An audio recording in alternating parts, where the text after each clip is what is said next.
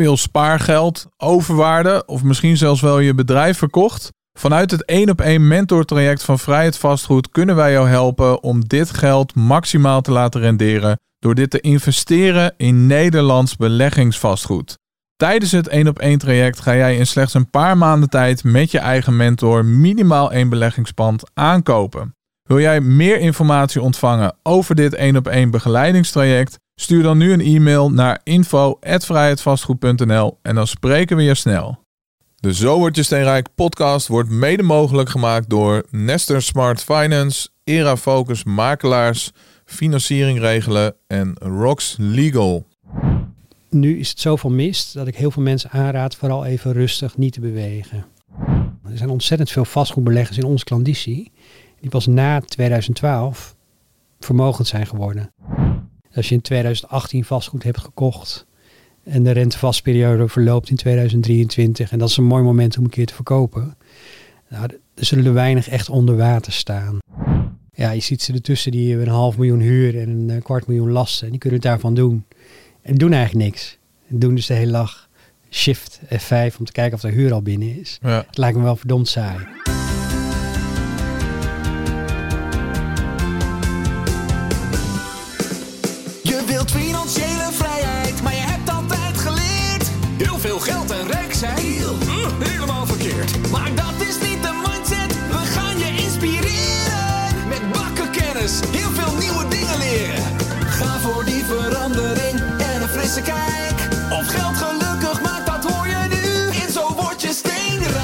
Jawel, jawel. Goedemorgen, goedemiddag of goede avond. Thuis, op het werk, in de auto of waar en wanneer je deze podcast ook luistert.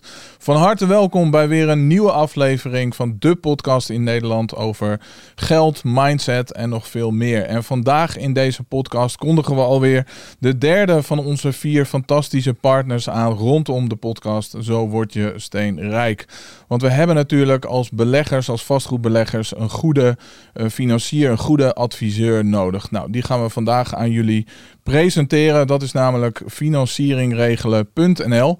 En financieringregelen.nl wordt vandaag vertegenwoordigd door mijn gast van vandaag. Hij heeft een achtergrond in de ICT. Hij is ook daarnaast ondernemer, vastgoedbelegger en helpt dus eh, vastgoedbeleggers bij het starten en opbouwen of het verder uitbouwen van hun vastgoedportefeuille. Hij heeft een hele grote passie voor auto's.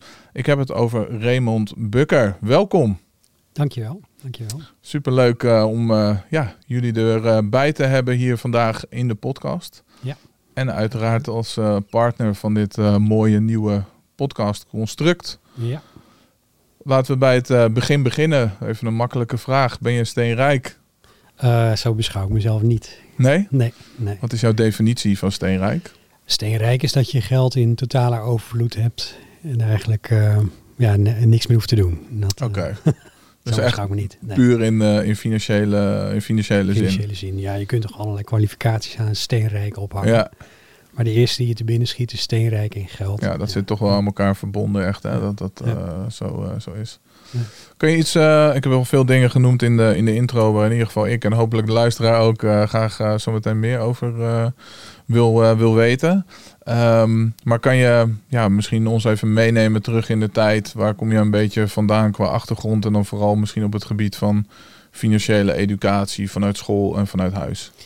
Uh, nou ja, ik heb, ben op mijn 24ste na wat studie en, en uh, eerste banen ben ik uh, voor mezelf begonnen met een compagnon in de ICT. Ja. Dus zelf een ICT-bedrijf, een webbureau opgericht. 15 jaar gedaan. Uh, wat wij eigenlijk basically deden, wij waren een webbureau voor de autobranche. Dus ja. voor de Nederlandse autobranche. Hadden honderden autodealers, importeurs, leasemaatschappijen als klant waarbij wij de website verzorgden. Mm -hmm. Uiteindelijk dat bedrijf in 15 jaar opgebouwd tot 20 man personeel. En uh, toen uh, dat bedrijf verkocht aan een ander ICT-bedrijf. Ja. Dat was 2013. Uh, ICT-bedrijf van de autobranche nam, een veel groter bedrijf, nam het hele bedrijf over en is ermee verder gegaan. En uh, toen heb ik van 2013 tot 2015 allerlei interimwerk gedaan voor verschillende opdrachtgevers. Eh, en toen uiteindelijk in 2015 een aantal platforms, websites begonnen eh, voor financiële dienstverlening. Ja, Dus een lease-platform, een platform voor MKB-financiering en een platform voor vastgoedfinanciering. Het waren eigenlijk gewoon websites die eh, als lead-generator fungeerden. Waarbij de operatie eh, gedraaid werd door andere bedrijven die het al deden, zeg maar. ja, Het meest succesvolle platform was financiering regelen. Eh, die heb ik voortgezet en die andere twee heb ik verkocht toen. ja, Dat heb ik echt eigenlijk overgedragen aan andere ondernemers die daar mee verder gegaan zijn. ja. Die er ook nog steeds mee verder gaan. Dus die bedrijven die, die draaien, die floreren zeg maar eh, separaat met andere ondernemers. ja. En platform financiering regelen werkte ik, werkte ik vanaf 2015 af de start al samen met de Barlevento groep. Mhm. Barlevento Groep is een, eh, eh, een van de grotere, of was een van de grotere intermediairs voor vastgoedfinanciering in Nederland. Bestaat al sinds 2004.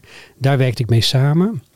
En die samenwerking die, eh, was zo succesvol dat we in 2018 eh, besloten hebben om de bedrijven echt in elkaar te schuiven. Dus de Barlevento Groep is blijven bestaan. We hebben een dochteronderneming gevestigd ja. financiering regelen, BV genoemd. Ik ben bij hun op een kantoor erbij gaan zitten en eh, we hebben er één operatie van gemaakt. Dus één, één operatie met inmiddels elf adviseurs. ja. Eh, en vanaf 2018 tot, tot heden hebben we eigenlijk die hele, ja, de, de, de organisatie verder uitgebouwd en eh, honderden eh, klanten, nieuwe klanten verwelkomd. ja.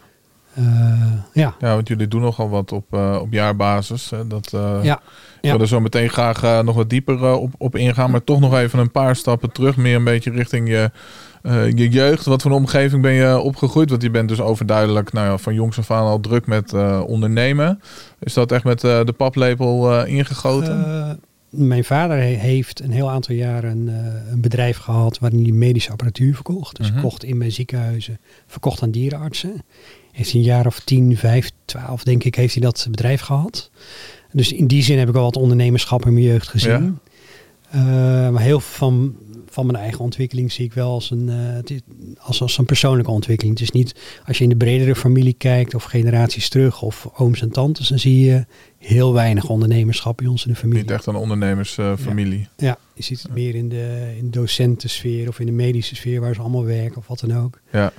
Of in de overheidssfeer. Dus eh, ondernemers, ik heb een hele grote familie, maar de ondernemerschap is heel dun gezaaid daar. Waar, waar komt dat dan eh, vandaan? Wat is dan Echt een innerlijke drive van kleins af aan. Dus eigenlijk eh, bij mijn allereerste opleidingen en, en banen heb ik eigenlijk altijd als heel helder, heldere stip op de horizon gehad van ik, ik moet en ik zal mijn eigen onderneming gaan voeren, opbouwen, uitbouwen, et cetera. Dat heb ik eigenlijk altijd gewild en dat is ook ja, zo geworden, zeg maar. Ja. Ja. En ondertussen natuurlijk wel eh, meer ondernemers om je heen eh, verzameld in je vrienden en kennissengroep. Ja, ja, ja. Zowel de, in de privésfeer zie je van alles en nog wat. En in de za in zakelijke sfeer zie je, zie je natuurlijk niks anders dan ondernemerschap. Je beweegt je echt eh, tussen midden- en kleinbedrijf en Ja. eh, de wat grotere hier en daar. Ja, Mooi. Is echt het. eh, En in, in financiële zin, wat, eh, hoe, hoe ben je nou ja, geprogrammeerd op, eh, op geldgebied toen, je, toen je jong was? Eigenlijk echt, in, echt in de praktijk. Ik heb, ik, heb een, ik heb wel wat achtergrond in opleiding. Dus een financiële hbo-opleiding, HO-achtig, zoals het toen heette. Maar het is eigenlijk echt in het ondernemerschap, mijn ICT-bedrijf, dat ik zelf vanaf scratch opgericht heb met die compagnon. Eigenlijk door schade en schande, eh, elk jaar eh, omzet, kosten, investeringen. De- Door schade en schande heel veel geleerd. En constant bezig blijven met bijspijkeren. Ja, Ja. oké. Ik moet eerlijk zeggen dat het ICT-bedrijf is, is best, had een aardige omvang. Dus we, we hadden 20 man personeel en we hadden de 500, 600 klanten in de, in de Nederlandse autobranche. Maar de echte, de echte slag om nog veel meer te leren kwam eigenlijk daarna bij, na het verkopen van dat bedrijf Ja, ging ik pas echt goed werken aan mijn eigen financiële edu- educatie. Dus 2013, 2015. In de periode dat ik allerlei interimwerk deed voor verschillende bedrijven. ja, Toen heb ik allerlei eh, eh, literatuur doorgeworsteld en allerlei denkslagen kunnen maken. om dat eh, veel slagvaardiger aan te pakken. Dus ik zie er echt... Maar hoe kwam dat eh, dan? Was dat een eh, in- inzicht van eh, dat je eh, gewerkt had, 20 man personeel, maar eigenlijk onderaan de streep bleef er weinig over? Of, ja, het was, het was redelijk wat ik eraan overhield. Ik heb het bedrijf ook goed verkocht. ja? Maar je, je, ziet, je zag gewoon dat als je terugkeek, dan had, ik- had je 10, 20, 30 dingen wel echt heel anders kunnen doen. Ja, Waardoor het veel harder of beter of slagvaardiger of comfortabeler had kunnen uitpakken. Dus ik had toen een leeftijd eh, dat ik dacht van nou ik ga, ik ga nog één keer echt heel erg, eh, ja. misschien komen er nog meer eh, episodes dat ik er nog heel allerlei slagen ga maken natuurlijk. ja. Maar dat was echt een, een enorme krachtige motivatie van binnenuit. Van als ik het de volgende keer weer ga opbouwen, wat komen gaat, dan ga ik dat veel beter en slagvaardiger doen. Veel beter over dit soort dingen nadenken. Ja. Maar het was niet echt zo dat er een hele grote pijn of een hele grote fout of zo Nee. eh, was. Meer Nee. gewoon het inzicht van, oké, dit is wel tof wat ik heb opgebouwd en, en ik heb het voor een goed bedrag verkocht. ja, Maar volgens mij had het echt nog wel eh, veel beter gekund. Of waren er mensen om je heen die dat zeiden van, joh... nee, eh, nee, het is echt een eigen inzicht. Het, het is ook geen echt grote pijn geweest. Het is allemaal goed, redelijk comfortabel en prima afgelopen. Ik altijd, altijd keurig, eh, ja, gewoon prima niveau door kunnen gaan. Eh, maar ja, gewoon die bevinding van het, eh, er zit veel meer in. Ik kan mijn ambitie en mijn kracht en mijn intelligentie en mijn inzet veel beter laten, ja, laten, laten renderen, laten floreren, zeg maar.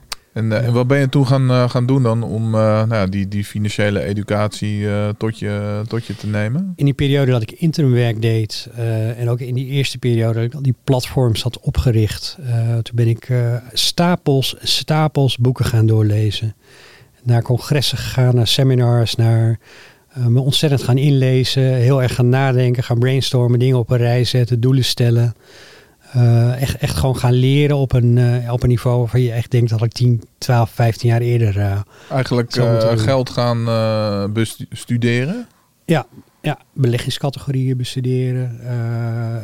En, en daarvoor deed je maar wat. daarvoor was het inderdaad veel op meer op gevoel, ja, en met je compagnon samen en per kwartaal vooruitkijken. Ja, de pionieren. Ja, ja, ja. En eh, over boeken gesproken, ja, ik, hè, voor, de, voor, de, voor de luisteraars, er staat hier naast Raymond op de bank. eh, ja, het boek wat al veelvuldig hier in de podcast uiteraard ter sprake is ge- gekomen. ja, Jij noemde het gedateerde Rich Dad, Poor Dad. In zekere Ehm, zin. Dus wat ouder is het. eh, ja, het is 2004 of zo. Al een tijd eh, geleden uitgebracht. Maar Ja. eh, goed, de inhoud is natuurlijk op zich niet gedateerd en nog steeds even Ja. misschien wel relevanter en belangrijker dan, dan ooit. Kan ik dat zo stellen? Ja, ik, ik denk het wel. Ik moet er als eerste bij zeggen dat het eigenlijk inhoudelijk flinterdun is. Dus het wordt door heel veel mensen ook afgeserveerd als flinterdun eh werkje. Maar er zitten een paar dingen in die ik toen ik... Het is een van de eerdere boeken geldt dat trouwens niet voor heel veel boeken. Ja, Dat eigenlijk als je ja. hè, dat er heel veel vulling omheen eh, geschreven Ja, heel wordt. veel maar- motiveren, motivatie, eh, ja, de mindset en eh, dat soort dingen. Zo kun je het wel samenvatten. Wat ik in dit boek erg interessant vond, is... er zijn eigenlijk twee dingen die daar heel sterk benadrukt worden. Is van, als je dus onderneemt en day-to-day werkt, ergens uren en tijd en effort instopt en het opbouwt, moet je het eigenlijk altijd zo inrichten dat je de cashflow die je genereert met het ondernemerschap, dat je die cashflow gebruikt om te investeren in assets, dus in bezit.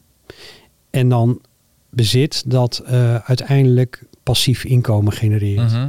En eigenlijk het opbouwen daarvan als vliegwiel gebruiken om dat bezit, die assets, die, die hele, ja, dat, hele, dat, dat te vergroten. Zodat er uiteindelijk dermate veel passieve inkomen, passief inkomen ontstaat, dat je daar financieel onafhankelijk van wordt. Misschien je hele gezin, misschien de generaties na je zelfs van alles mee kunt geven. Eh, ja, waardoor je eh, ja, daar de vruchten van kunt plukken. Dat is een van de dingen die erin staan. En een ander belangrijk ding is dat je eigenlijk permanent moet werken aan je eigen financiële educatie. Je moet eigenlijk van jongs af aan, buiten het schoolsysteem om, eh, al bezig zijn met jezelf te bekwamen om financieel gewoon handig en on- goed onderlegd te worden. Ja. En in je hele reis, bij het opbouwen van, eh, van alles wat je doet, blijf, blijf jezelf professionaliseren, zodat je uiteindelijk ook een professioneel type investeerder kan worden. Nou, het zijn eigenlijk hele, ik beschouw dat nu als een soort basics. En ik zie heel veel klanten van mij die het van nature al doen. Eh, het is eigenlijk, maar het is eigenlijk iets. Ik heb het boek tien jaar te laat gelezen. Ik had het liefst ergens in de beginperiode toen ik dat ICT-bedrijf begon op mijn 24e. Had ik geen benul van dit soort kennis en dit soort literatuur. Ja. Ik had gewild dat ik het toen eh, had doorgenomen en tussen de oren had gezet. Had ik 10, 15 jaar eerder deze reis kunnen maken. Ja, nou goed, dat is achteraf. Ik Dat denk dat je ook blij ja. mag zijn dat je het boek, eh, ook al is het dan misschien tien jaar later geweest dat je graag gewild zou hebben, op je pad is gekomen. Want. Er zijn, eh, het zijn er niet veel, maar er zijn nog steeds mensen op deze wereld die het boek niet eh, gelezen Nee. hebben. Nou, en je ziet, ik, ik reik het uit. Ik heb mijn eh 30 fouten of wat dan ook op kantoor staan. En af en toe als ik geïnspireerd gesprek met een ondernemer of met een klant heb. Geef alsjeblieft. alsjeblieft. Heel Ja. vaak van de echte ondernemende types die, eh, die nog aan het begin staan, kreeg ik, krijg ik teruggekoppeld van nou, dit- was nou... Precies wat ik idee. nodig had. Je ziet ook mensen, ook in je vriendenkring waar je hem wel eens uitdeelt, die, eh, of, of allerlei mensen die, die, die het niet raakt. Die dan zeggen, nou, ik, was halverwege, maar het, het pakt me niet. Dus die mensen zijn er ook. Ja, Eh, dat, dat, dat zei je en dat eh, vond Ja. ik echt opmerkelijk. Want ik, ik ken er weinig die zeggen van nou dat... eh, ehm, is dat, die raakt het niet of die passen alles al Of ze zijn al een stuk verder, dat, dat ze het allemaal al toepassen. Dat ze Ja. eigenlijk allemaal eh, ja, in hun mindset al hebben. En dat ze denken, ja, ik lees hier dingen die ik vanzelfsprekend vind. Ja, Of je ziet gewoon mensen die, eh, eh, die totaal eigenlijk niet echt die affiniteit met ondernemerschap hebben. Met eigenlijk dit niet he- helemaal niet als iets belangrijks zien of helemaal niet, ja, ja, gewoon niet belangrijk vinden. Die dus eigenlijk denken van nou, dit is allemaal, eh, of het is veel te Amerikaans, het is veel te veel geënt Nou, de kapitalistische dat- situatie dat- daar. En dan hebben we hier anders voor elkaar. Ja. ja. Dus je ziet allerlei eh, van dat soort terug. Maar daar moet je een beetje, denk ik, doorheen eh, prikken. En ik denk los van het feit of je ondernemer bent of wil worden of niet, dat je ook gewoon ja, dit echt wel ehm, in privé natuurlijk voor jezelf eh, toe, eh, Ja. nou, ik wil bijna wel zeggen, moet eh, eh, toepassen. Ja, ja. Maar je hebt ook mensen die eh, gewoon, lijkt het ook wel een beetje aversie hebben tegen eh, nou ja, geld verdienen en ondernemen. En die, die zeggen, ja, dat is niet belangrijk voor mij. Dan Het is denk ik, natuurlijk in Nederland een klein beetje de sfeer en de cultuur. eh, althans, dat, dat zou je denken als je met de Amerikaanse cultuur vergelijkt. Daar is het. Ja, daar heb je wat meer, eh, wat makkelijker aanzien als je, als je, ja, als je dus zeg maar zakelijk succesvol bent. Terwijl dat in Nederland eh, moet je je wat bescheidener opstellen in de mainstream. eh, Ja, ik vind dat zo dubbel. Heb jij dat niet? Want aan de ene kant heb ik wel het idee dat heel veel mensen dat succes, wat je definitie daar dan ook van is, nastreven. En Nederlanders echt wel ambitieus zijn met studie en een goede baan of een goede onderneming. ja, Alleen als je dat succes dan eenmaal bereikt hebt, dan is er zo'n aversie van mensen. En dan heb je geluk gehad, of je, hebt, eh, je bent crimineel, of eh, ten koste van een andere reden. ja, je bent geen goed Ja. persoon. Ja. Ik vind dat zo jammer. Ja, ja het, ik, ik denk echt dat het een stukje onderdeel van de Nederlandse cultuur is. Ik probeer altijd voorzichtig af, voorzichtig af te tasten wat voor gesprekspartner je hebt. Of het nou zakelijk of privé is. Eh, ja, in hoeverre eh, je daar ja, je open over kunt zijn of over eh, kunt spreken. Ja, Sommige mensen die, die keuren er toch redelijk af. Of die hebben inderdaad wat jij zegt daar. het is echt een stukje cultuur, zeg maar, denk ik in Nederland. ja nou, ik hoop Heel dat we er ooit nog in slagen om dat een beetje te doorbreken. Want in Amerika, ja, als je dan succesvol bent, dan staan mensen gewoon echt voor je, voor je te juichen. Ja, En, en eh, hier zien ze wel vaak het, eh, nou ja, eh, jij zegt dan, ik ben autoliefhebber. Als je een mooie auto zou rijden, dan ja, is dat het enige wat mensen zien. ja. Maar niet de hele weg die jij er naartoe hebt afgelegd, alle obstakels die je overwonnen hebt. Maar ook, het, ook, ook hetgeen je toevoegt soms aan de maatschappij. dat is natuurlijk ook onderdeel van ondernemerschap. Hè? Dus je, je, je zorgt voor, je brengt een hele keten in beweging waarbij Ja. je mensen arbeid of inkomen verschaft. Waarbij Ja. je ja, allerlei stakeholders eigenlijk ook gewoon meeneemt. Ja, in- ja zeker als je kijkt naar het MK, MKB, eh, natuurlijk eh, verantwoordelijk voor een heel groot deel van de Nederlandse economie en ook Ja. eh, werkgelegenheid. Ja, ja. Dus, Als je gewoon op eh, een ethische manier onderneemt en al je stakeholders eh, goed in de gaten hebt en daar eh, goed voor bent, ja, dan voeg je denk ik ook wat toe, zeg maar. En dat, eh, dat, kan, dat kan zakelijk en dat kan privé zijn. En dan heb je ook stakeholders. Eh, het kunnen ook de buren in de straat zijn waar je goed voor bent, of waar je voor zorgt, of waar je dingen voor, eh, voor regelt. Of, Ja. eh, Als je vastgoed hebt, goed voor je huurders zorgen. Zijn, zo zijn er allerlei aspecten, zeg maar. Ja. Is dat ook echt wel jouw grote drijfveer om echt wat toe te voegen aan de wereld? Eh, ja, ik vind het wel Of belangrijk. toch een ja. beetje die spirituele Ja, kant op, hè? Of, eh, Ja, ik, ik vind het wel belangrijk. Ik zeg wel eens, eh, ingeving. Je ziet wel eens mensen, ik zie ook wel eens in de zakelijke sfeer mensen die ten koste van alles en iedereen ontzettend vermogend worden. Dat zijn mensen waarvan ik vaak denk, nou straks ben je 90, zit je in je eentje in een eh, verzorgingstehuis, heb je 30 miljoen op de bank. Dat maakt dus, nou even plat gezegd, geen reden uit of je dan 30 miljoen of 5 miljoen hebt. Wat dan veel belangrijker is, is vindt de buurman of de buurvrouw in het verzorgingstehuis je ook aardig? Komen je kinderen en kleinkinderen nog op bezoek? Heb je nog mensen om je heen die je aardig vinden? Dat is uiteindelijk, Ja, als je heel erg goed en ethisch opereert, is dat dan belangrijker in de long run ja, dan heb je mooie herinneringen dan het verschil gemaakt. tussen 5 of 30 miljoen. Eh, en je Ja. ziet eens mensen die totaal in eentje eindigen met 30 miljoen. Die, ik zie hier en daar in de zakelijke sfeer, kan ik dat uittekenen van die mensen. Die kunnen straks niks meer, zijn oud, maar staan wel alleen. En eh, wat ga je dan doen? Dus ik, ik denk dat dat eh, iets, ja, dat vind ik wel een belangrijk, eh, belangrijk ding, zeg maar. Be- bepaal jij sommige beslissingen in je dagelijks leven dan ook als je jezelf al voorstelt in dat eh verzorgingstehuis? Dat je zo eigenlijk terug eh, denkt van draagt dit, hoe wil ik me dan, eh, ja, hoe wil ik dan letterlijk erbij eh, zitten en wat moet ik dan nu doen om. Ja, word ik nog, eh, wo- ja, heb ik genoeg toegevoegd en heb ik goed genoeg geleefd om tegen die tijd dat ik oud ben en tussen aanhalingstekens niet veel meer kan, nog gewaardeerd wordt. Heb ik een aantal andere mensen in mijn reis meegenomen en de dingen meegegeven waardoor ze, of heb ik het ze letterlijk gegeven, Ja, of heb ik ze iets meegegeven waardoor ze zelf, zelf krachtig genoeg zijn geworden. Een belangrijk voorbeeld is kinderen. Ik heb twee kinderen, eentje van zes en een van de acht. Mhm. Ik denk dat het heel belangrijk is dat ze, dat ze zelf eh, slagvaardig en succesvol en zelfstandig worden.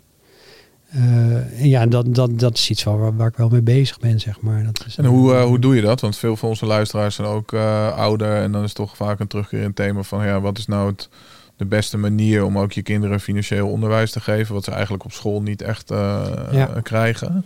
Ja, ze zijn heel jong nu, ze zijn 6 en 8, dus het is echt nog basisschoolleeftijd. Dus je kunt, je kunt ze bepaalde basics bijbrengen of eh, achtergronden vertellen over vertellen wat je doet of hoe je het doet of hoe je dingen moet doen. Ik denk dat het straks de fases die eraan komen veel zwaarwegender gaan zijn. Dus de fase dat ze 13 tot, eh, tot 25 zijn, zeg Ja. maar. Dat je dan, eh, ja, dat, ze moeten hun eigen weg eh, zoeken, ze moeten hun eigen keuzes maken, hun eigen wegen, heel belangrijk. Maar dat ze wel daarin eh, eh, ja, ge- genoeg bijgebracht worden om, eh, om zelfstandig eh, goed te denken en goede, goede paden uit te stippelen, zeg maar.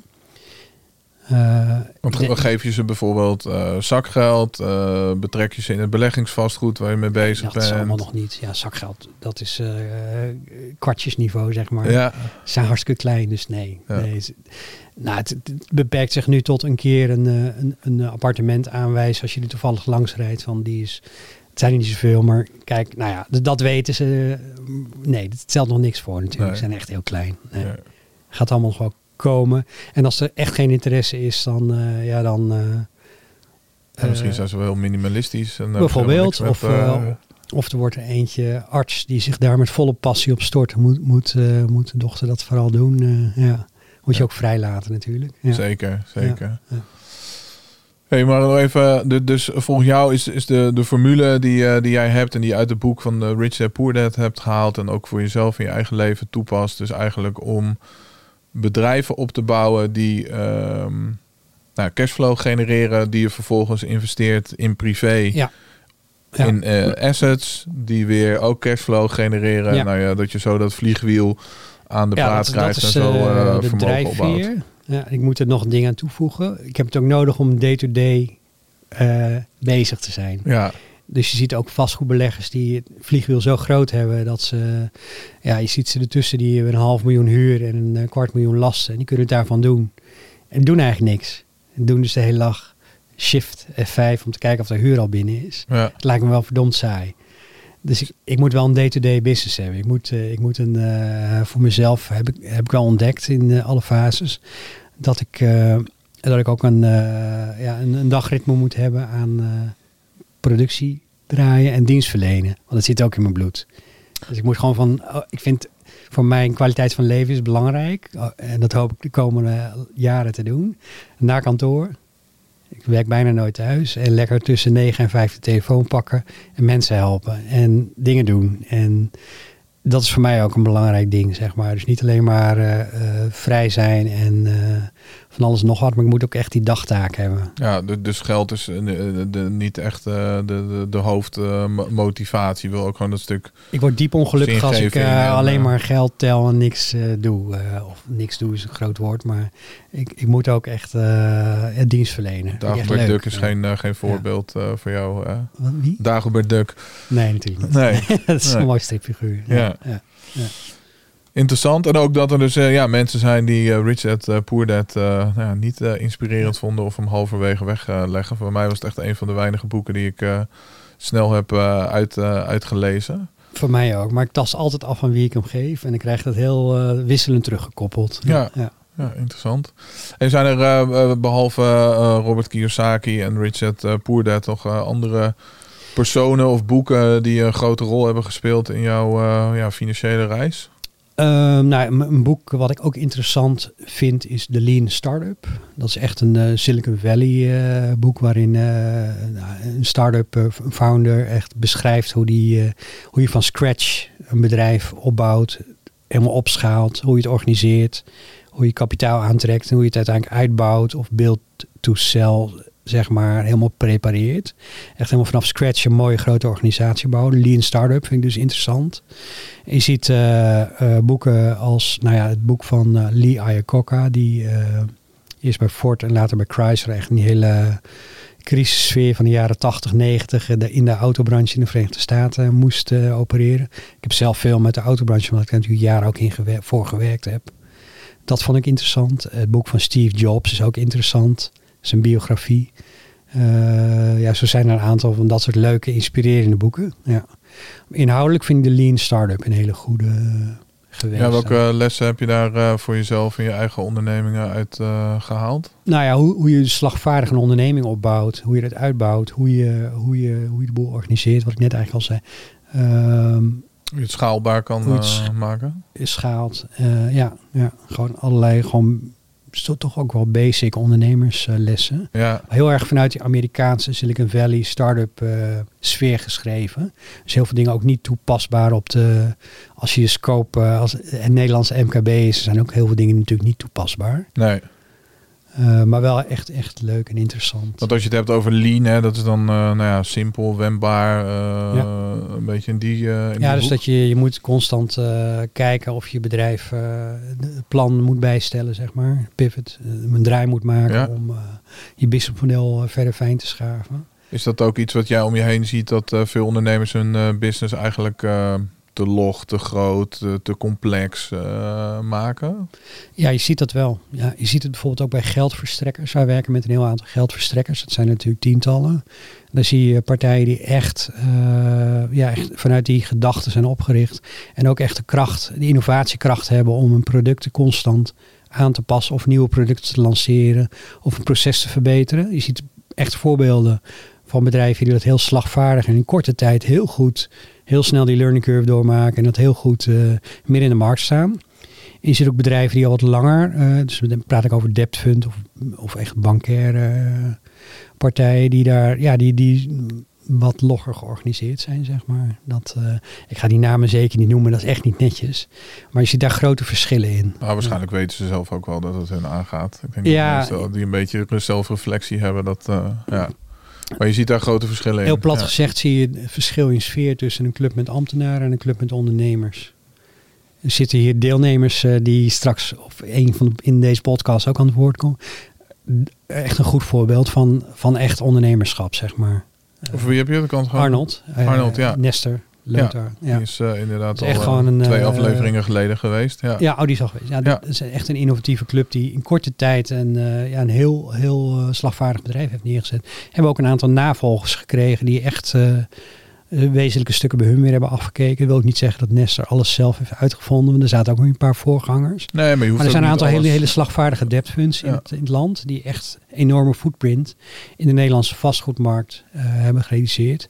En of, het is niet alleen marktgroei, maar ze hebben ook een, echt een significant marktaandeel bij eh, wat langer bestaande bankaire partijen weggesnoept. Ja, Echt significant. Dan praat je echt over enkele miljarden in de Nederlandse markt. Die van grootbanken naar debt funds zijn gegaan. En het zit hem ten dele in het. eh, het zit hem in van alles, maar het zit hem echt ook voor een groot deel in het eh, ondernemerschap eh, van dat soort partijen. Dus Wij zijn, wij zijn oprecht heel blij met die partners. ja, dat Ja. kan ik me voorstellen. En ik vind Nestor vooral heel erg sterk ook op het gebied van, van marketing. Ja. Want Arnold zegt dan ook vaak, ja, een euro is een euro. En ze kunnen bij ons lenen of ergens anders. Maar we moeten ons daar toch daarmee eh, onderscheiden van, eh, van, van de rest. Ja, En eh, nou, dat is ook de reden dat wij hier nu zitten. Hè? Want Arnold is daar wel tot, voor te porren met Nestor om ook ja. qua marketing wat out of the box te doen. gek genoeg is de beste marketing voor dat soort partijen is het proces. Want de intermediairs, dat zijn degenen die de, hè, dus de partijen zoals wij, waar er enkele honderden van zijn in het land. Ja, Dat zijn degenen die het primaire klantcontact hebben, die Ja. dus wegen en vergelijken. En dan ook als onderdeel van de assessment kijken ze, we kijken naar eh, waar is het proces het, eh, het best, eh, het meest overzichtelijk, het meest, meest voorspelbare uitkomst, ja, het snelst. Eh, hoe, hoe kan je slagvaardig schakelen? Het wordt als wezenlijk onderdeel in de weging meegenomen. En de partijen die dat minder op orde hebben, worden ja, redelijk categorisch overgeslagen, mag ik wel zeggen. nou ja, het is En die natuurlijk... merken dat in de productie. Dus Ja. de beste marketing is het product in het proces. Of Ja. het proces. Ja. Het is natuurlijk Ja. voor jullie en voor de klant fijn als dat gewoon helder en duidelijk is Ja. wat dat eh, is en dat je weet wat je, wat je, wat je hebt wat dat Ja. betreft. Ja. Nou, we hebben het al eh, lekker over het eh, vastgoed en de, de, de, de financieringen. Want je hebt zelf ondertussen ook een eh, nou, bescheiden portefeuille van acht panden op mogen Ja, bouwen, met toch? een ander samen. Met, een, eh, met, een, eh, met een partner. ja dus een vriend van mij die, eh, die heeft een eh, vastgoedbeheerbedrijf. Een middelgroot vastgoedbeheerbedrijf. Dus die beheert vastgoed voor, eh, voor vastgoedbeleggers. Ook voor grote instituten eh, beheert hij hele portefeuilles. Dus alle technisch en financieel beheer. Dat doet hij. Ja, Daarnaast heeft hij nog eh, enkele andere bedrijven in het vastgoed. Dus is echt een, echt een professional. En eh, wat we doen, eh, doen we samen. Dus we kopen samen en we verhuren samen. En, ja, ja, mooi als je dat soort dingen samen kan, Ja. kan doen. Wat is daarin de. Ja. ik, ik neem aan dat jij daarin het financieringsstukje regelt en hij het eh, beheer Hele heldere doet. taakverdeling. Hij heeft, we hebben samen eigenlijk, hij primair, maar wij hebben samen, hebben we, krijgen we regelmatig vastgoed aangeboden of we vinden het zelf. Ik ben degene die dan schakelt met een taxateur, door helemaal uitcalculeert hoe het financieel zou moeten. Eh, samen beslissen we, gaan we kopen. Hij is meestal degene die de deals maakt. Is hij veel beter in dan ik. Ik ben veel te lief. Hij is Een harde onderhandelaar. krachtig. Nou, niet zozeer een hele harde, maar wel echt een goede doortastende. Ja, Hij is degene die eigenlijk altijd de deals maakt. Dat heb ik één keer gedaan van de acht geloof ik en hij alle andere. Eh, en eh, ja, dan, dan eh, loods ik meestal in 1, 2, 3 weken die financiering er natuurlijk doorheen. Ja, dat is niks zo makkelijk als een financiering voor jezelf er doorheen loodsen. En dan op het moment dat het pand in eigendom is, dan zorgt hij met zijn hele apparaat voor verhuur Ja. en voor beheer. Dus het volledige beheer wordt ontzorgd. Dus, dus de huurders hebben het beheerpartij als aanspreekpunt. En eh, ja, alles wordt daar ge- gefaciliteerd en geregeld. Is er iets, dan gaat er een eh, onderhoudsdienst naartoe. Ook onderdeel van zijn beheerbedrijf. ja, En alles wordt geregeld, alles wordt gefaciliteerd, alles wordt gedaan. En maandelijks krijg je een huurafrekening. En eh, nou ja, er moet natuurlijk positieve cashflow zijn. ja. Dat wordt helemaal zo ingericht dat er altijd positieve cashflow is. En regelmatig herzien we of houden we de leningen tegen het licht. Moeten we aflossen. Of kunnen we herfinancieren. Of moeten we huren met een huurbeweging. Wel, hoe moeten we het doen? Hoe ziet de puntenberekening eruit? Al dat soort dingen wordt eigenlijk op een heel, hele professionele manier ja. tegen licht. Maar het is echt heel passief. Het is zo, het is zo goed. We hebben met z'n tweeën zo'n goed apparaat. Met name natuurlijk dankzij zijn beheerorganisatie. Dat we, ja, het is echt passief beleggen. Dus die acht panden, die kosten ons misschien twee uur per maand aan Ja. beheertijd. Nou ja, dat is Ja. ook eh, fijn als dat zo, eh, zo is. Zo eh, is het ideaal. Maar dan moet ik er wel bij zeggen dat het de meest makkelijke categorie vastgoed is. Het zijn eigenlijk allemaal appartementen. die allemaal in goede staat zijn. Dus als het gekocht is en het moet, moet iets verbeterd, dan gebeurt dat eerst voordat de huurder Ja. gaat. Het wordt allemaal verhuurd als zelfstandige woonruimte, dus geen studentenverhuur. En al die appartementen hebben ook een VVE uiteraard. Dus Hm. je hebt alleen zorg voor de binnenzijde. Ja, Dus de keukenkastjes, het laminaat, het schilderwerk en alles moet keurig zijn. ja, En de buitenzijde wordt door de VVE behartigd. Dus we kopen ook alleen eh, vastgoed met gezonde VVE's waarbij eh, de dingen op orde zijn. ja. Eh, dus dat, is- dat is de meest makkelijke categorie, kan ik er wel bij zeggen. Ja. Je hebt veel zwaardere categorieën. ja noem eens wat, eh naar jouw Ja, mening, zwaardere wat, wat beheersintensiever is, is als je, eh, als je studentenhuizen, dus kamergewijs eh, verhuur doet. Dan heb je veel meer eh, huurstromen. Heb je veel meer eh, doorgangen, dus eh, mutaties. Ja, Heb je meer eh, onderhoudsperikelen, omdat natuurlijk het vastgoed gaat harder achteruit als ja. het kamergewijs intensiever. eh, Eh, je hebt meer eh eh, debiteurenbeheer, omdat er hier en daar natuurlijk vaker achterstanden zijn. Omdat ze, met studenten is dat gewoon pittiger. Dus dat, dat is. en, je, en je hebt meer, meer omtrent bouw, brandveiligheid en dat soort dingen. Moet je veel meer dingen in de gaten houden. ja, Dat is intensiever. Wat ook intensiever is, is als je bedrijfsonderhoud goed hebt. Bijvoorbeeld eh, kantoorruimtes of eh, winkelruimtes. Dan heb je vaak wat meer leegstandsrisico. ja. Dat is Dus natuurlijk heel... eh, als, je, als je een uh, bedrijfsonderhoud goed in een jaar of vijf hebt, dan moet je eigenlijk in die vijf jaar standaard rekenen met enkele, aan, enkele maanden leegstand. Dat is natuurlijk per locatie en per type vastgoed verschillend. Maar Ja. dat is doorgaans bij woningen veel minder. Dan heb je hooguit frictieleegstand. Omdat daar de, ja, de, wo- de woningtekorten natuurlijk. eh. Eh, wat nog eh, intensiever is, is als je niet passief belegt en koopt om gewoon te verhuren, maar als je echt gaat ontwikkelen. Dus je koopt iets dat je gaat transformeren. Dan Ja. heb je, dat, dat is echt werk, zeg maar. Eh, omdat even, dat klinkt een beetje tussen aanhalingstekens werk. Dan heb je, daar heb je natuurlijk eh, significante tijdsbestedingen aan alles wat bij bouwen en verbouwen komt kijken. ja, Dus dat is. eh, maar ja, sommige mensen vinden dat juist heel erg leuk. En die Ja. hebben ook die uitdaging nodig. Hè? Dus ik Ja. denk dat inderdaad als je een categorie hebt van makkelijk naar, naar, naar moeilijk. Dan ga je inderdaad bijvoorbeeld van... Ja, van appartementen of in zelfstandige geval- in ieder geval van residentieel en naar gewoon de, de buy-to-let naar, Ja. Naar kamerverhuur, naar uiteindelijk eh, Transformeren nieuwbouwen. splitsen, ja. eh, nieuwbouw, Ja. ehm, ja, dat zijn projectontwikkeling. vaak de echte bedrijven. Dat zie je vaak. Dat zijn eigenlijk gewoon vaak in onze klanditie zijn dat van de oorsprong bouwbedrijven die voor de klant werkten. Ja. En langzamerhand voor zichzelf zijn gaan werken. En uiteindelijk die hele transitie doormaken dat ze projectontwikkelaar worden. Ja. En ook bouw weer stukken gaan uitbesteden. Dat zijn echt eh, de professionals. En die zie je ook eh, echt waarde toevoegen en echt, eh, echt een enorme kennis voorsprong hebben. Ja. Dat zijn ook de meest interessante en leuke financieringstrajecten vaak. Daar zie je echt dat je...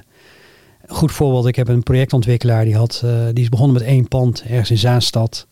Met familiegeld van een half miljoen gestart.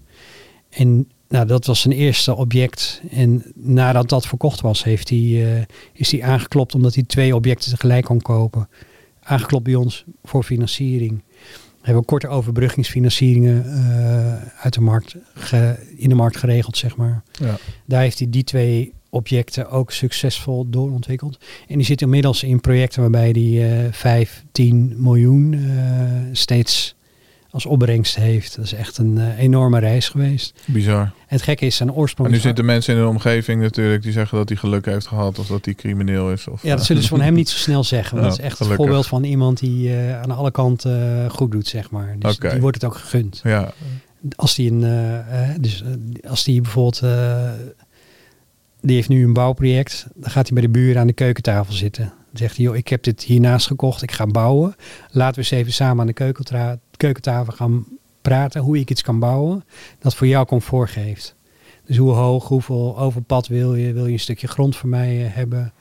Dat je een zwembad kan bouwen of eh, van dat soort eh, dingen doet hij.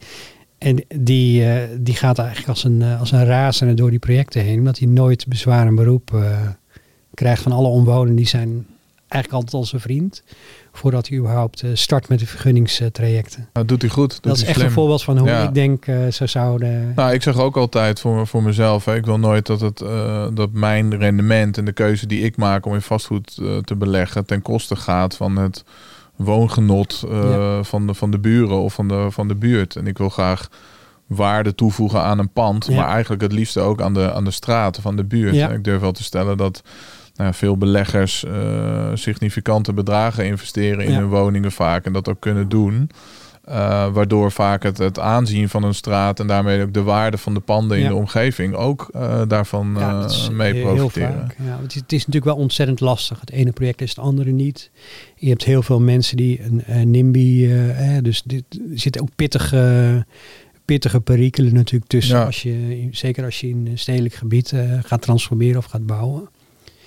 Maar eh, ja, het, het kan heel goed uitpakken als je heel open communiceert met allerlei eh, stakeholders. eh, Ja. Je ziet er goede en slechte voorbeelden van. Zeker, zoals altijd. Maar Ja. ik denk dat de goede voorbeelden te weinig in Nederland ook Ja. belicht worden, helaas. En dat het toch wel erg in een hokje geduwd wordt van alle Ja. vastgoedbeleggers zijn slecht en het zorgt alleen maar voor overlast. Terwijl er ook heel veel woningen toegevoegd worden aan de woningvoorraad. Of dat er nou, we in heel Nederland met een grote verduurzamingsopgave eh, zitten. Ja.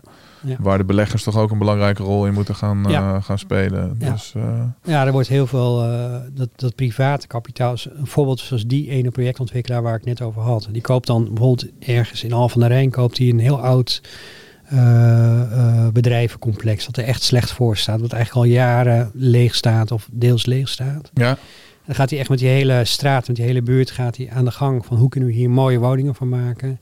Hoe kan het je het dak zo maken dat je nog steeds eh, zon in de tuin hebt.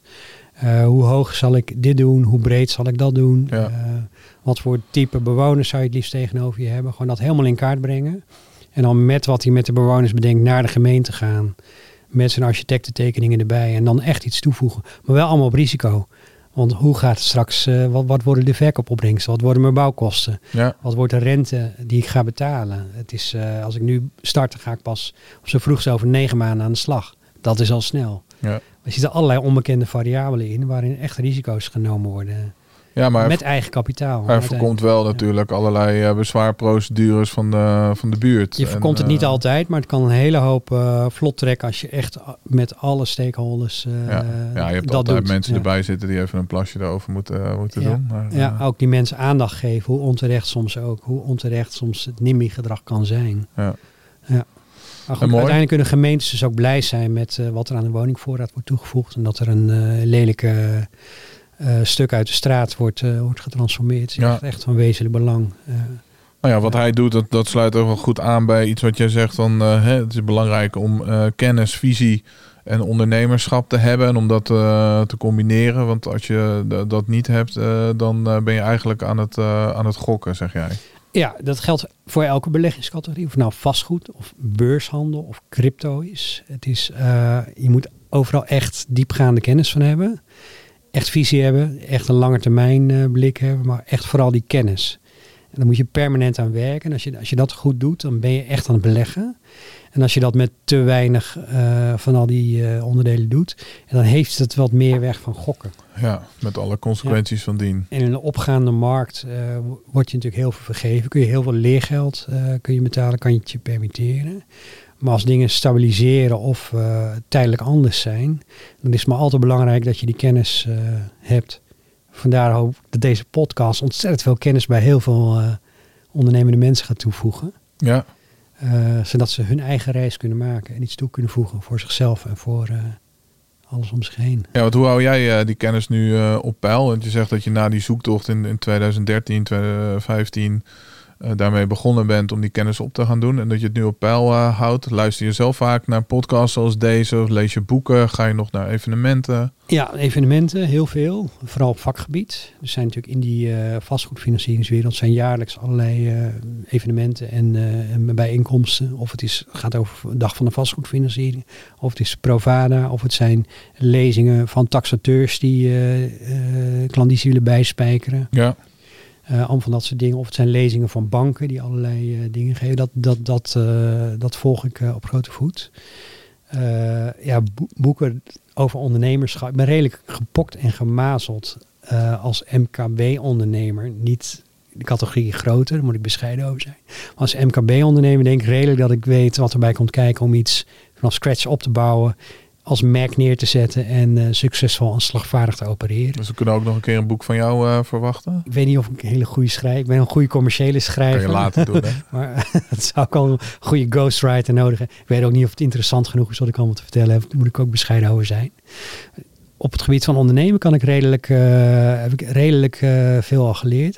Op mijn vakgebied zit ik middenin. Dus alles wat, er- wat, wat er speelt op het gebied van rente, vastgoed, financieren. Dat is echt iets wat En eh, andere, beleggingen buiten jouw eh, vakgebied. Denk aan ehm, NFT's, eh, crypto, aandelen. ik moet echt heel bescheiden zijn dat mijn kennis daar echt nog op een laag niveau is. Als ik nu beurshandel of crypto's zou doen, zou ik daar echt, echt eerst een reis in willen maken om mezelf te bekwamen. Mhm. Eh, het beperkt zich tot spelen met 500 euro op, eh, op eh, Bink, eh, bank eh, of de Giro. eh.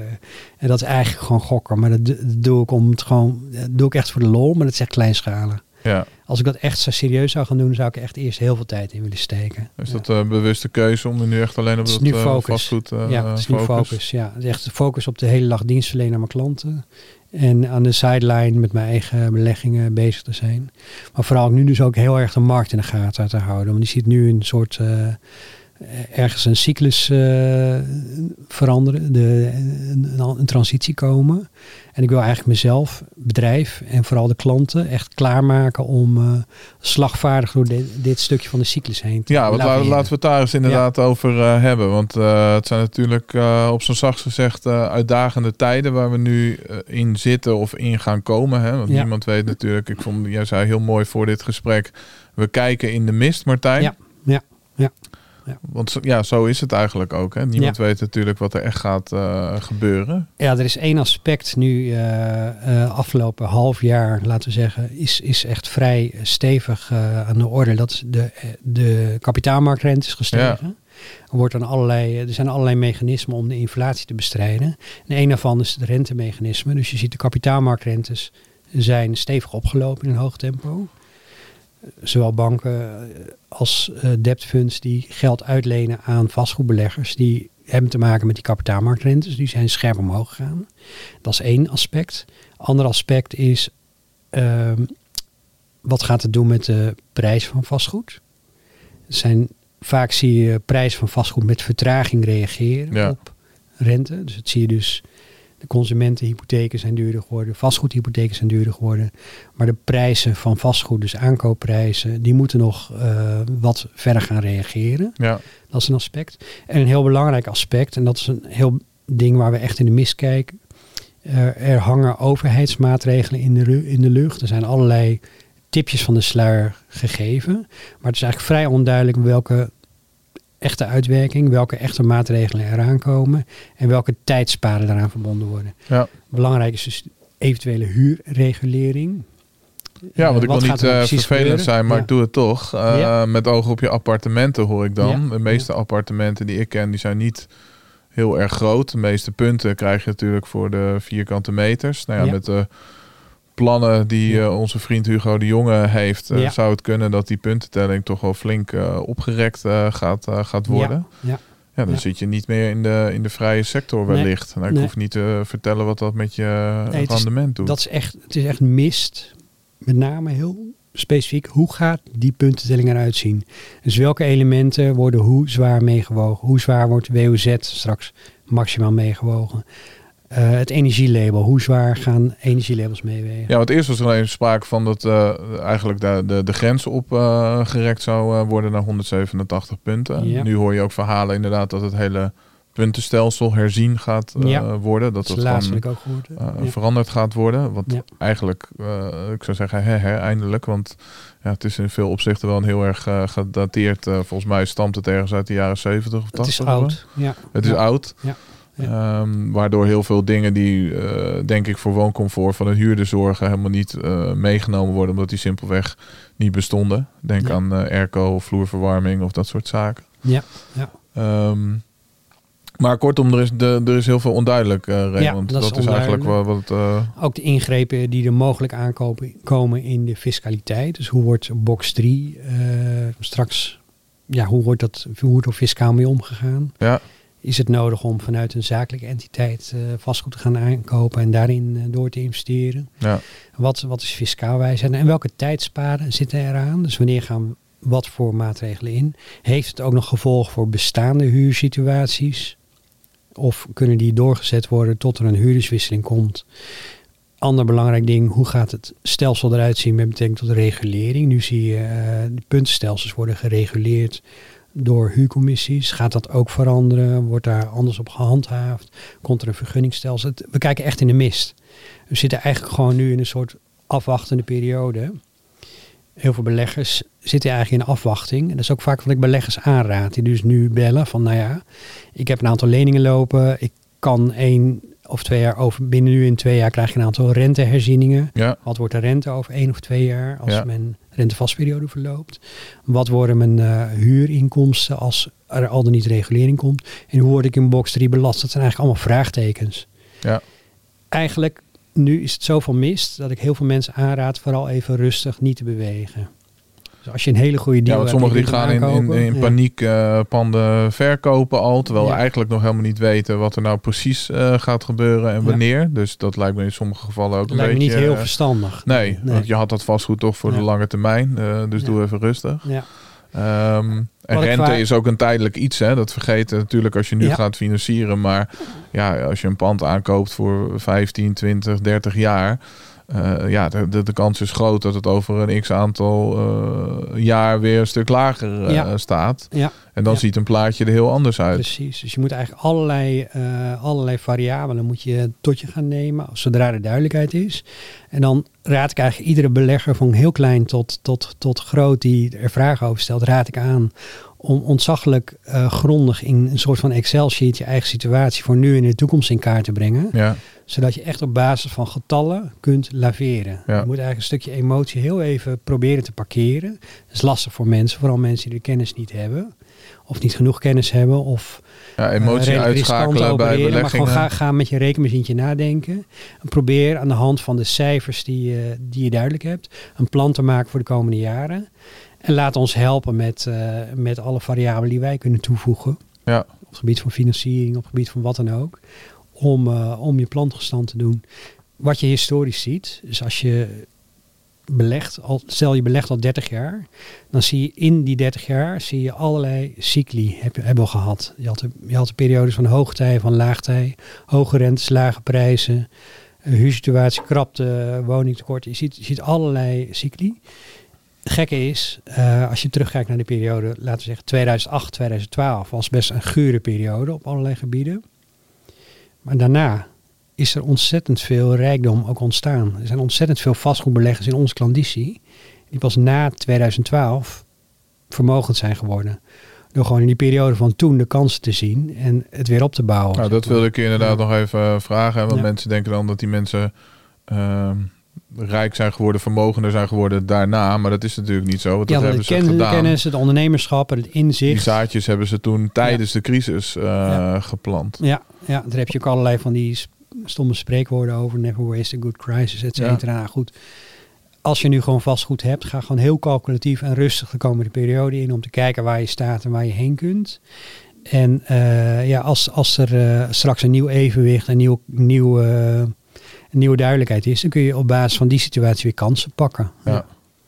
Ik denk wel dat wat we een beetje gaan zien, misschien is dat een vraag die je nog gaat stellen, is dat er hier en daar eh, hele kleinschalige beleggers zijn, die dus eigenlijk de tijd en de energie er niet in hebben gestoken om heel, heel goed zichzelf bij te spijkeren. En die eigenlijk gewoon niet heel goed overzien de risico's, niet heel goed kunnen wegen. En misschien her en der wat afscheid zullen nemen van vastgoed. Waarbij je misschien een beweging gaat zien dat de middelgrote en de grotere vastgoedbeleggers ook weer eh, vastgoed gaan kopen dat nu in handen is van kleinere beleggers. Dat zou best wel eens een beweging kunnen zijn die eraan komt. Een beetje de kleine visjes die door de middelgrote visjes worden opgegeten. Ja, dus dat ze kans zien we. En dan vergeet niet dat ook vaak die kleine visjes aanzienlijke waardestijgingen hebben beleefd. Hè? Ja, Als je in 2018 vastgoed hebt gekocht en de rentevastperiode verloopt in 2023 en dat is een mooi moment om een keer te verkopen. Nou, er zullen er weinig echt onder water staan. Nee. Dat, d- er is zoveel stijging in de markt geweest. Dus ook als er wat kleine dalingen aankomen, kun je daar nog steeds heel goed, eh, heel goed uitspringen. ja. Eh, maar dat soort bewegingen zul je misschien wel her en der gaan zien. Dat zijn gewoon mensen die er soms ook gewoon geen zin meer in hebben. Nee, en ik denk, eh, of nou ja, wat je ziet ook veel, veel oudere beleggers die natuurlijk al lang in het vastgoed eh, zitten, die denken van joh, Dat is ja, ook een mooi exit nu moment. gaan we eh, Ja. wat minder, hè, even Ja. de winter in. ik vind het mooi geweest. Ik heb mijn schaapjes op het droge Ja. en ik, ik stap eruit. Ja, wij zien veel van dat soort bewegingen ook. Inderdaad, mensen die het van, van 55 tot 75 jaar hebben opgebouwd. Waarbij eigenlijk de kinderen zoiets hebben van, nou, ik zie, eh, ik zie dit niet als iets waarmee ik door wil. Ja, ja. Eh, of soms ook wel. want Dat zijn allemaal bewegingen waar wij ook constant mee bezig zijn. Dus seniorenbeleggers eh, of herfinancieren voor hun kinderen. Of ja, helpen met adviseren als ze gaan verkopen. Van, hoe kun je dat eens doen? ja. Ja, ja. Als ik het dus eh, goed begrijp, eh, zit eh, ja, een periode van, van veel uitdagingen, maar zeker ook veel, veel kansen aan te komen voor degene die wel de juiste kennis hebben en die kansen ook zien en, en durven te pakken. ja, dat denk ik zeker. Ja, ja, ja, ja. ja, denk- Mooie, mooie tijden wat dat betreft. In ja veel niet beweging. saai. Veel nee, beweging. Zeker niet. Nee, Ja. nee, nee, nee. Iedereen is wel weer even wakker, heb ik het idee. Ja, ja. Het ging de laatste paar jaar ook wel heel makkelijk natuurlijk, als je eerlijk bent. Nou ja, ja het- ik denk wel dat makkelijk, echt, echt makkelijk is nooit geweest. Ik wel- Nou, ik bedoel meer in de zin van dat het eh, nou ja, geld zo eh, goedkoop eh, was. Dat En, en ja. dat het eigenlijk allemaal niet opleek te kunnen. En de, de waardestijgingen van, van 20% op jaarbasis Ja. in sommige gemeentes. En waar heel veel effort in ging zitten is panden bemachtigen. Door de, door de krapte was het gewoon vaak voor beleggers wel echt zoeken en biedingsoorlogen aangaan. Ja, Dat is een aspect dat natuurlijk radicaal kan omdraaien. Dat het dus straks wat meer voor het uitzoeken is.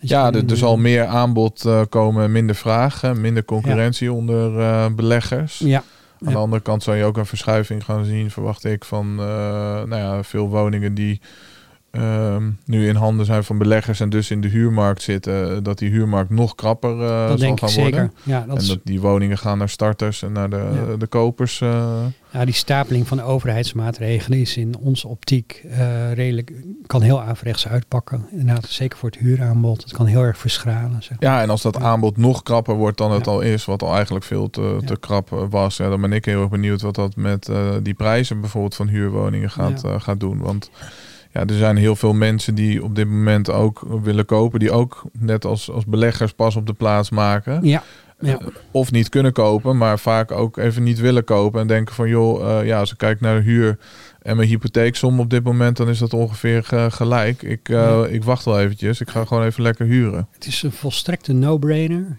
wat mij betreft, dat als je vraag en aanbod in balans wil brengen, dat je moet bouwen. En dat je echt voor alle categorieën moet bouwen. Dus mensen die doorstromen, die veel te grote huizen bezet houden. Zorgen dat er goede seniorenwoningen komen. Zorg voor goede eh, huisvesting van alle doelgroepen. Zorg dat eh, er wat makkelijker en beter gesplitst mag worden, zodat je het bestaande woningaanbod beter gebruikt. Eh, ga niet religieus alleen maar willen binnenstedelijk bouwen, maar ga ook echt duidelijke infrastructuur aanleggen om buiten steden te kunnen bouwen. Eh, ja, dat, dat is echt een no-brainer. Zorg dat dat echt op poten komt. En dat kan de overheid alleen maar samen met private partijen. Ja. Dus ook eh, knelpunten bij vergunning aanvragen, knelpunten bij het aanleggen van infrastructuur, van elektriciteitsnetten. Eh, je zou kunnen denken aan eh, btw-opbouw, anders mee om te gaan. Je zou kunnen denken aan, aan, aan, aan, aan subsidies vanuit overheidswegen om grote bouwprojecten van de grond te krijgen, zodat er financiering makkelijker te verkrijgen is als de overheid als backup eh, garanties of subsidies afgeeft. En daar moet gewoon heel veel gebeuren. Er moet gewoon een beter gebalanceerde woningaanbod in Nederland komen Ja. om die bevolkingsgroei gewoon goed op te kunnen vangen en goede banen te leiden. Als er goed, goede balans is van vraag en aanbod, goede balans is van overheid en private investeringen. Eh, ja, dat, is eigenlijk eh, wat mij betreft een no-brainer. En al die regulering die nu op de bestaande voorraad en de bestaande situatie toegelaten wordt. Ik denk dat dat heel averechts kan gaan uitpakken. En ik denk dat overheid ook heel veel adviezen vanuit de markt en vanuit de branches en vanuit de stakeholders krijgt. Negeren. Maar dat, ja, dat politiek eh, op dit moment ontzettend lastig is om daar eh, goede beslissingen op te maken. Heb geen eh, Eh, ambitie om eh, minister van eh, Wonen te worden? Nee, ik, ik ben veel te veel een, eh, een commercieel MKB achtige vis in het water. En ik zou. Maar misschien is dat juist wel wat we nodig hebben ook. Ik bedoel, als een overmarkt zich toch met het vrij economisch verkeer en vraag en aanbod gaat bemoeien. Wat ze naar mijn mening eigenlijk, ja, dat is Ja. een legio voorbeelden uit het verleden waar gebleken is dat dat geen goede zet is Nee. vaak. En dat je gewoon de markt vooral zijn, zijn werk moet laten doen. Ja. Maar als we dat dan toch gaan doen, ja, dan misschien liever door een eh, ondernemer en een MKB'er, toch? Ik zie voor mezelf eerlijk gezegd geen rol weggelegd. Oh, jammer. Eh, Ja. ja, niet het Zullen geduld we toch met u, eh, Hugo moeten blijven doen voorlopig. ja. Ja. Hey, vanuit financiering ehm, regelen. Jullie doen zo'n 450, 500 financieringen Ja. op jaarbasis. Ja. Ja. 320 miljoen euro. Als ik het snel zeg, dan lijkt het niks. Ja, ja, dat is wat we gefinancierd hebben. Dat geld van banken dat we hebben uitgeleend. Ja, en daarnaast hebben jullie ook nog, hè, want, want financiering regelen, dat zijn met name eh, voor beleggingsvastgoed, Ja. box 3 financieringen. Ja. Maar daarnaast hebben jullie ook nog hypotheekweb. Ja, dat is een andere En dat is dan eh, voor de overwaarde liquide maken op woningen of eh, box 1 eh financiering. Eigenlijk is het gewoon een consumentenhypotheek, advieskantoor. We hebben dat opgericht een jaar of twee geleden. Een partner aangetrokken en in huis een eigen advieskantoor neergezet. Eh franchise-nemer geworden van een organisatie die dit al doet. Eh, daar hebben we 40 hypotheekverstrekkers. E- Eigenlijk is niks anders dan de hypotheek, eh, noem het label maar, om de hoek, maar dan in eigen huis. Zeg Ja. Onze klandizie wordt daar eh, geholpen aan eigen woonhuisfinancieringen. Soms overwaarde vrijmaken doen we daar ook natuurlijk. Ja. Dat speelt nu veel minder, maar is afgelopen jaar wel redelijk veel gebeurd. Eh, het is gewoon een consumentenhypotheekadvieskantoor. Met Ja. een paar man inmiddels erop. En een andere partner. Het is eigenlijk een separate organisatie binnen onze groep. Binnen de Barlevento groep. Ja. Want hoe eh, kunnen jullie nou, huidige bestaande beleggers en eh, nieuwe beleggers op dit moment bedienen? Met hypotheekweb of met financiering? Met, met beide, Ja. wat, ja, en wat, wat onderscheidt jullie van de andere? Hè? Want je zei net, er zijn honderden partijen in, eh, in Nederland. Wat, Ja. eh, wat onderscheidt jullie? Nou ja, wat, wat wij, eh, wat wij hebben, wij hebben onze website financieringregelen.nl. Daar komen echt ontzettend veel mensen komen daarop om hun eigen oriëntatie te doen. Er zitten allerlei rekentools in met actuele rente van verschillende geldverstrekkers. Waarbij je eigenlijk verschillende business cases, of nou kantoorpanden of woningen of studentenhuizen of bouwprojecten, kun je daar doorrekenen van als ik het aankoop voor X getaxeerd krijg op Y, zou financieren voor Z en zoveel huuropbrengst of zoveel verkoopopbrengst, dan kun je eigenlijk je hele business case redelijk uitrekenen. Dus die website wordt van oudsher duizenden keren per jaar door Jan en allemaal gewoon gebruikt als, als rekenmodel. Eh, een klein percentage van al die duizenden stuurt die berekening in, die calculatie in om geholpen te worden. Zo krijgen wij dus dagelijks eh, leads binnen. Eh, die mensen worden door ons team van 11 worden die, eh, geholpen aan de telefoon of aan tafel in een afspraak. Wat we eigenlijk doen is een assessment maken. Dus we, we, we vragen door en we vragen uit. We vragen diverse documenten soms op. Ja, Op basis van die hele situatie kijken we van is deze business case haalbaar? Is dit een verstandige aankoop of verstandige herfinanciering? ja, verstandig project. Vervolgens kijken we in een vergelijktool die we zelf, eh, we hebben zelf een eigen ICT-systeem, heb ik gebouwd. ja Lisa heet Lisa, dat systeem. ja. Ja. Lisa is een afkorting voor laat ik stenen aankopen. Dat is Laat ik stenen. Oké, Het mooi. is hè? een poppetje Lisa, eh, dat is het label van ons eh, ICT-systeem. Daar zit nog veel meer data in dan in onze website. Er zitten echt allerlei acceptatiekaders, alle rentes actueel van day- day-to-day. Moet ik dat bijhouden overigens. Van een stuk of 16 geldverstrekkers zitten erin. En dan kun je eigenlijk op basis van een aantal eh, gegevens die je daarin geeft, krijg je een vergelijk. Kun je zien bij welke gel- geldverstrekker eh, kan ik het meest optimaal financieren. Als het dan past binnen de acceptatiekaders en het proces van die eh financier sluit aan bij het tijdspad dat de klant wil, dan krijgt de klant vanuit dat systeem per e-mail direct een voorlopige indicatieve offerte.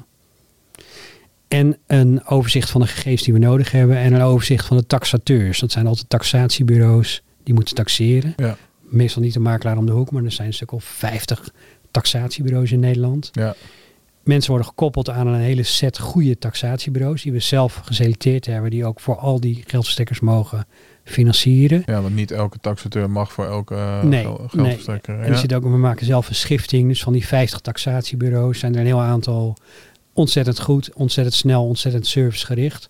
En er zitten er ook tussen die we wat minder goed kennen. En er zitten er ook wel eens enkele tussen waar we liever onze klanten niet mee willen laten werken. Dus we hebben zelf een schifting aangebracht in die lijst. Mhm. Klanten kunnen dus op basis van wat ze per e-mail binnenkrijgen, eh, kunnen ze eigenlijk gelijk schakelen en aan de slag en kopen of documenten aanleveren. Oké. Dat klinkt allemaal eh, heel eh, ja, transparant en Ja, en snel. Mensen krijgen dan aan de hand van, die geven ons opdracht, start deze financieringsaanvraag. Ja. Hier, hier zijn de documenten. En op basis van die documenten doen wij een nakontrole. We willen dan eigenlijk aan alle documenten die we zien, die we hebben, willen we zelf kunnen bepalen, is de kans van slagen minimaal 90% plus. 100% kans van slagen kunnen we nooit afgeven. Nee. We zijn niet zelf de geldverstrekker. En die finale acceptatie ligt altijd bij de geldverstrekker. Ja. Maar we moeten kunnen zien aan alles dat dit de kans van slagen 90% plus is. Dan starten we pas.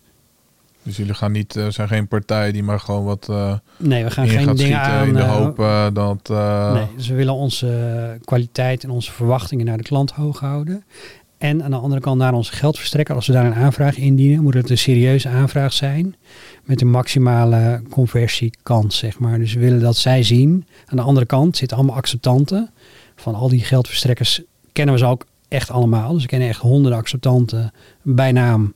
En we weten, wij komen bij Jan uit. En Jan die gaat serieus die aanvraag zo snel mogelijk eh, beoordelen. Ja, Eh, en dan eigenlijk in een, week of wat. Soms is het twee weken, soms is het drie, soms is het vier. Sommige projecten ben je langer bezig. Het is ook als vier maanden. Eh, laat je die financiering slagen en zorg je dat die klant naar de notaris gaat om zijn transactie te doen, zeg maar. Dat spel over en over again, 450, 500 keer per jaar. ja mooi. Ja. Nou, en dat eh, alles bij elkaar zorgt ervoor dat jullie nou, de, de, eh, de verwachtingen hoog houden richting de klant, maar ook bij de, bij de geldverstrekkers een eh, Verwachtingen goede managen, reputatie. doeltreffend, kwalitatief opereren. Maar wel het onderste uit de kan. Ja. Dus, dus op basis van tienden van procenten zitten we, zitten we ook te wegen van waar kan die optimaal heen. Maar soms is tiende, een tiende van het procent scherper niet het belangrijkste. Soms gaat het om kans van slagen is het grootst of het proces is het snelst. ja, want veel beleggers zijn altijd heel, heel erg gefixeerd alleen op die, eh, dat rentepercentage. Ja. En natuurlijk is dat eh, heel belangrijk. Alleen Ja. ja, er zijn nog wel meer factoren en ook voorwaarden en dergelijke die eh, meespelen, waar dan vaak minder op gelet Ja, je wordt, moet echt wegen op alle acceptatiekaders. Dus je moet al die producten van, van, van binnen en buiten kennen. Alle productwijzigingen bijhouden. Daar best wel veel werk aan. Want ik ben zelf de, ik- heb de ICT-achtergrond en bij ons in kantoor verder niemand. Dus Nee. Ik zit zelf die applicatie ook bij te houden. En eh, zelf de acceptatiekaders constant aan de knoppen te draaien. Om te zorgen dat het altijd actueel is. Ja, Ja. Single point of failure. Dus als ik een week op vakantie ga, dan lopen de rentes een week achter. ik heb nooit, eh, nooit weg. Ja, dus dat, nou, ik ga volgende week een week weg. Ja. Zonder laptop voor het eerst in vier jaar. Dus eh, dan gaan ze misschien een paar dagen eh, niet actuele data hebben. We gaan het toch doen. Ja, nee, je moet toch eh, ook aan jezelf denken en op Ja. vakantie. Ja, Wat je dus ziet is heel veel klantoriginatie is via die website. Dat loopt echt in de duizenden, denk ik. In die, al die jaren. Maar ontzettende klantenbases is inmiddels ontstaan bij klanten die kon recurring omzet. Dat zie je in die vastgoedhypotheekwereld. Zie je klanten die gaan van een eerste pand. Zitten er tussen die er 35 hebben inmiddels. ja, Die dus 35 keer aan een financiering geholpen. Soms al 40 keer omdat dingen tussentijds geherfinancierd Ja. zijn. ja dat Er zijn eh, klanten die, eh, die, die vragen niks meer. Die keepen er gewoon een bak documenten en zeggen hier draaien. Ja. Eh, dat hebben we dus ook. Dus heel veel recurring klanditie, zeg maar. Mooi, nou, ja, dat is een goed teken. Als jullie geen goede dienstverlening zouden hebben, dan zou dat niet het geval zijn. Nee. Dus eh, fijn Ja. dat die tevreden zijn en terug, eh, terugkomen. Maar wat onderscheidt ons dan? Eh, ja, er zijn er dus honderden, van klein tot middelgroot. Wij zijn, denk ik, met een persoon of elf zijn wij redelijk in deze markt een van de grotere, laten we zeggen top 5 qua volume en qua aantallen financieringen. Mhm. Ik denk dat er ook heel veel kleine zijn die ontzettend goed zijn. Die ontzettend goed voor 50 of 100 klanten zorgen.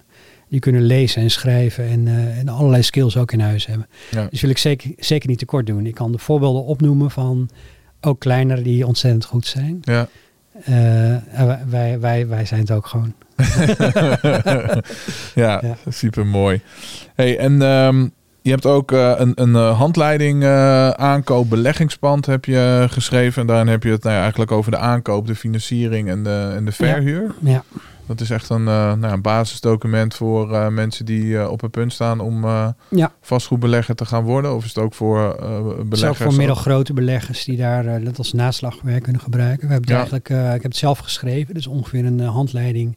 Als je hem uit zou printen is die eh 2,5 meter lang. Dan ben je drie kwartier op aan na een half uur op aan het lezen. Oké, Die hebben we primair geschreven, heb ik geschreven in 2018, omdat ik de hele dag klant aan de lijn had, die aan het begin van hun reis stonden. Dus eigenlijk gewoon een stukje kapitaal hadden en een eerste pand wilden kopen, maar eigenlijk allerlei basisinformatie nog misten. Dus ik had een soort, nou het leek wel of een soort cassettebandje had. eh, steeds, questions. eh, ja. Ja. Vooral ook een beetje uit eh, eigen, eigen belang om het leven wat makkelijker Ja, dus eh, ik stuurde vaak als ik, een, eh, eh, als, ik, als ik een stuk advies deed, stuurde ik die handleiding naar met de aanbeveling lees hem even. En dan kun je daarna na, op verjaardagen mensen gaan voorlichten over vastgoedbeleggen als je deze informatie al in je hoofd hebt. ja. En in al die jaren is die handleiding steeds verder aangevuld. En ik denk dat als straks een mist opgetrokken is, dat die handleiding nog een stevig stuk aanvullingen erbij krijgt. ja, Over alles wat er komen gaat. want die mist gaat, gaat optrekken. Ja, ja. Maar dat is een heel belangrijk eh, ding. Die handleiding die wordt ook gewoon in Google natuurlijk eh, Ja. ja, in honderden keren per maand gevonden en gelezen. Uiteindelijk staan in die handleidingen natuurlijk ook allerlei knoppen waarmee je eigen financiering Ja. kan berekenen.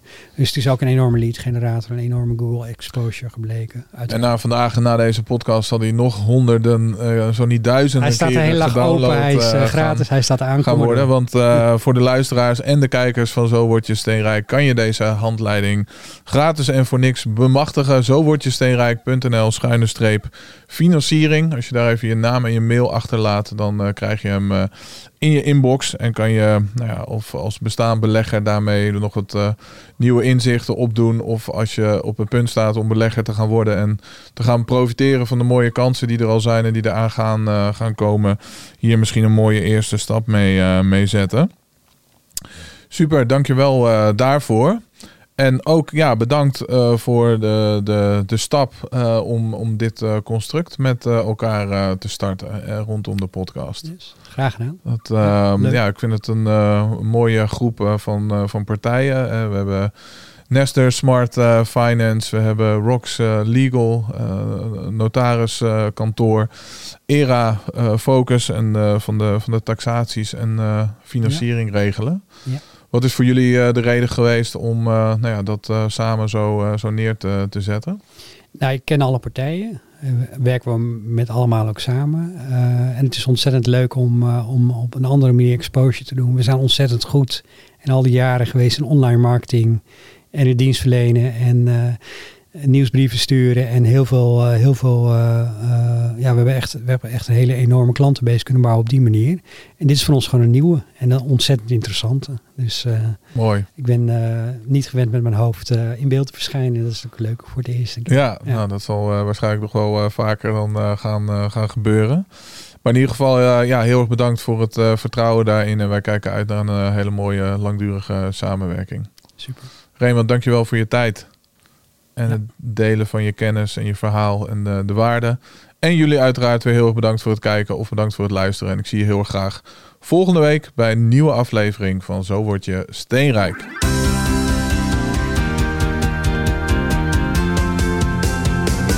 Dankjewel voor je tijd en je aanwezigheid. Superleuk dat jij bij deze podcast was.